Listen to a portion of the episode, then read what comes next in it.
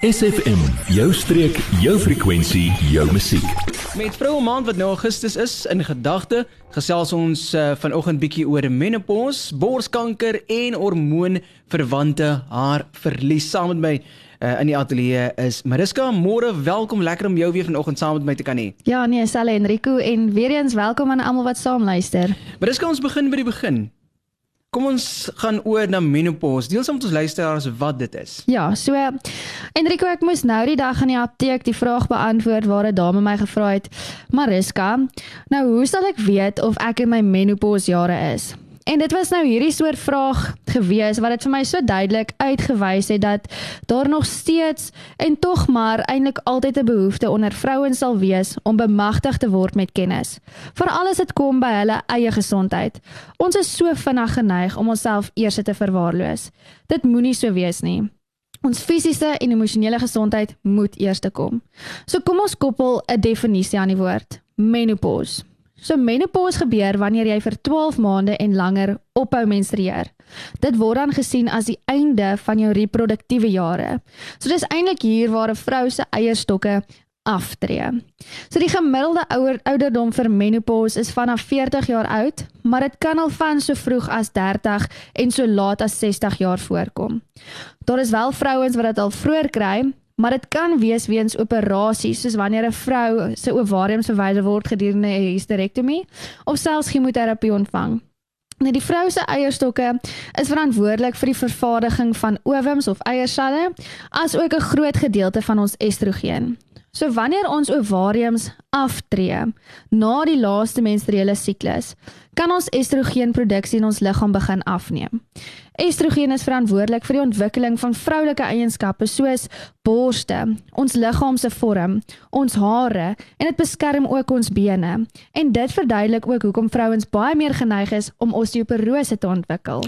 Mariska deel ook saam met ons, hoekom is dit dan dat vrouens al van vroeg af menopause simptome kan ervaar, maar dan is hulle nog nie heeltemal in hulle menopause jare nie. Ja, so Enrico, menopause gebeur nie skielik oornag nie. Dit gebeur in geleidelike prosesse. Perimenopausale oorgangstydperk is die fase waarin baie vroue gaan voordat hulle menopause bereik. En dit kan verskil van elke vrou. Daar is vrouens wat dit in die eh, wat in die perimenopausale tydperk is vir 10 jaar. Dis baie lank. Sure. So voordat hulle eers werklik dan begin met menopause. So gedurende hierdie tydperk kan 'n vrou se menstruele siklus onreëlmatig begin raak en kan hulle begin om warm en koue gloede, nagswete en dan ook flushing of die gevoel van blootsing ervaar. Nou die simptome van perimenopause en menopause verskil nie vreeslik nie. Die enigste groot verskil is die ophoud van menstruasie.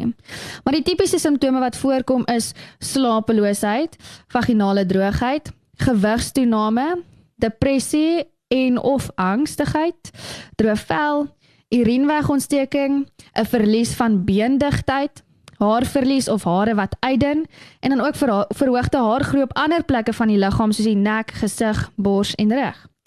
So indien jy wonder of jy in jou menopause tydperk is, gee ons by Hartenbos Apteek vir die eerste 12 kliënte 'n tuis menopause toets weg waar ons deur middel van 'n urinetoets kan sien of jy in jou menopause is.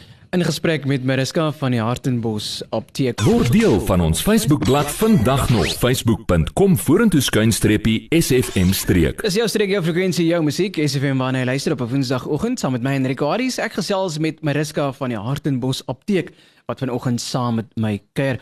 Maar dis jy het ook gesê dat dat, dat jy 'n bietjie gaan gesels oor borskanker. Ja, Enrico, so borskanker is een van die mees algemeenste soort kankers wat voorkom in vrouens, naasvelkanker. So te danke aan borskanker bewusmaking wat so gereeld gedoen word en die bemagtiging van mense met die nodige kennis oor borskanker, help dit om 'n vroeë diagnose te maak en ook om vroeër op te tree met nodige behandeling.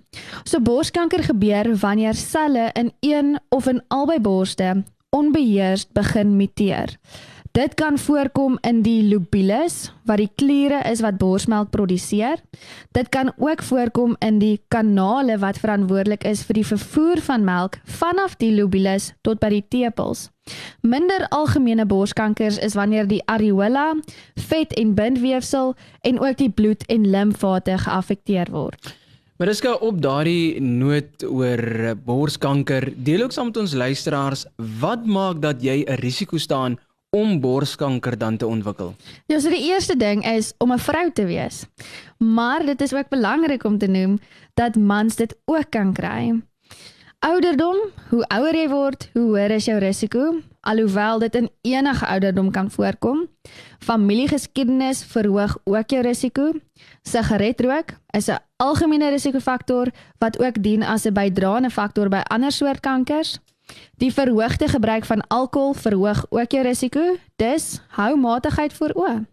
Radiasieblootstelling veral aan jou nek, bors en kop en ook postmenopausale hormoonvervangingsterapie kan jou risiko verhoog. Ingeskakel op die Suid-Kaapse gunsteling in gesprek met Mariska. Vir ons musiek maak Wat kan mens doen om borskanker vroeg aan te spreek? Ja, so doen gereelde selfondersoeke waar jy kyk na die tekstuur van jou bors, voel vir knoppe en kyk vir enige abnormaliteite. Dit is ook belangrik dat jy meer gereeld gaan vir mammogramme. Verlaag ook jou aantal alkohol um jou aandeel alkoholinname, handhaaf 'n goeie en 'n gesonde gewig en kry genoeg oefening in. Dit is ook baie interessant om te weet dat borsvoeding ook jou kanse vir borskanker kan verlaag in die toekoms. Nou simptome verskil van persoon tot persoon. Daar is gevalle waar mense gediagnoseer word met borskanker maar geen simptome gehad het nie. So simptome of waarskuwingstekens waarna jy kan kyk is 'n knop in die bors of verdikking van die bors wat anders voel as die omliggende borsweefsel. Knoppe kan ook onder die arm voorkom. Hierdie knoppe is baie keer nuut of nooit van tevore gevoel nie. Dan ook 'n verandering in die grootte, vorm of voorkoms van die bors. Verandering van die vel wat die bors so skeltjies of duike laat uh, laat lyk. 'n Nuwe omgekeerde tepel of pyn in die tepel area of enige area van die bors afskeiding van die tepel anders as borsmelk soos byvoorbeeld bloed afskulvering of korsvorming van die gepigmenteerde area van die tepel wat ook die areola genoem word en dan rooiheid of pitvorming van jou bors wat lyk soos 'n lemoenskil. So dis belangrik om te onthou dat ons borste 'n verandering ondergaan en die verandering dui nie noodwendig op kanker nie. So verandering kan plaasvind tydens menstruasie, borsvoeding en menopause waar daar knoppe kan wees weens vloeistoftoename wat gevoel kan word en dan waar die borste baie meer geneig is om teer te wees. Maar indien jy bekommerd is, is dit is belangrik dat jy dat jy jou dokter gaan sien. So ook vir Augustus maand wat vroue maand is, gee ons by die apteek 10 gratis borsondersoeke weg. So skakel ons asseblief vooraf om 'n afspraak te maak. Ons het 'n bepaalde tyd hiervoor uitgesit. Ingeskakel by Suid-Kaapse Gunsteling. Ek gesels met Mariska van die Hartenbos Apteek. Jy, ja jy. Nou dat ons jou aandag het, vertel jou vriende van SFM en ondersteun plaaslik. SFM maak elke dag 'n goed gevoel dag. SFM. Ek verseker dat jy ons trots SA klanke geniet op 'n Woensdagoggend hier op die Suid-Kaap. Se gunsteling met my is Mariska van die Hartenbos Apteek wat vanoggend uh, saam met uh, my kuier en inligting saam met ons uh, deel.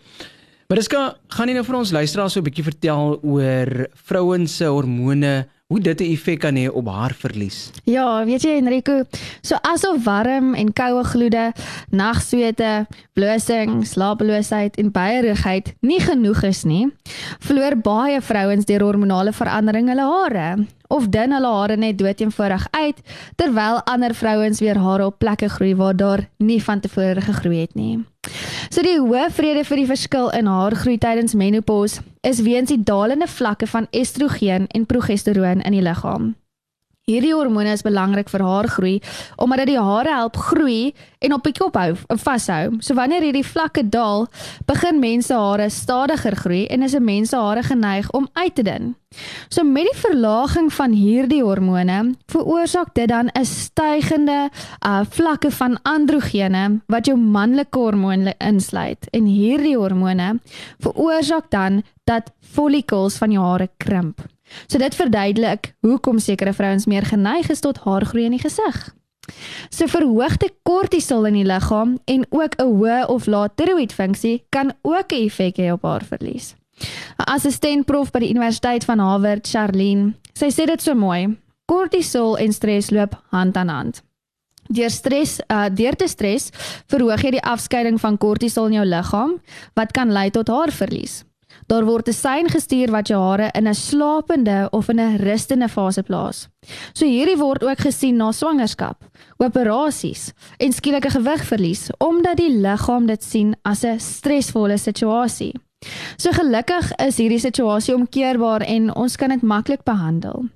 So normaalweg verloor ons tussen 50 en 100 hare per dag. Om hare te verloor is deel van 'n natuurlike balans om weer nuwe hare te laat groei. So dit gebeur wel dat hierdie balans versteur kan word wanneer die hare wat uitval net nie vervang word met nuwe hare nie. Maar dis gou deel ook saam met ons luisteraars, eh, wie staan 'n risiko vir haarverlies en wat kan dan dit veroorsaak? Ja, so vrouens wat swanger is of wat 'n baba gekry het, dit is wanneer jou estrogen vlakke in die uh, in die liggaam op sy laagste is. En dit is baie keer dan wanneer jy haarverlies ervaar. Mense wat chemoterapie ontvang het, mense wat haarstyle dra wat hulle hare te styf trek en op so 'n manier die follikels beskadig. Baie chemikalieë is ook geneig om haarfollikels te beskadig wat haargroei kan belemmer. Menopausale vrouens weens estrogen wat verlaag en tekorte aan vitamiene. Nou Enrique, ek wil vir jou sê 'n vrou se liggaam is darma wonderlik. Die liggaam moet gereeld aanpas met al die veranderinge in hormoonvlakke. So vrou, ek dink dit is tyd dat jy jouself bietjie meer krediet gee. Jy doen baie goed. Jy mag maar trots wees op jouself. Mariska, ek weet daar is 'n luisteraar wat nou aandagtig geluister het uh, na al die inligting wat jy saam met ons luisteraars gedeel het en wat nou wonder maar hoe maak hulle kontak met julle? Ja, so ons is reg oorkant Laerskool Hartenbos. Hartenbos Apteek. Ons kontaknommer is 044 695 1510 of besoek ons Facebookblad Hartenbos Apteek Dieet. En dan wil ek net graag almal herinner aan die 12 hormoon postmenopausale hormoontoetse wat ons gaan doen en ook die 10 borsondersoeke. Priska, baie dankie vir die inloer en vir die lekker geselsie weer vanoggend. Ja, nee, selfde. Dankie Hendrico. Adverteer jou besigheid vandag nog op SFM. Vir meer inligting skakel SFM gerus by 044 801 7811.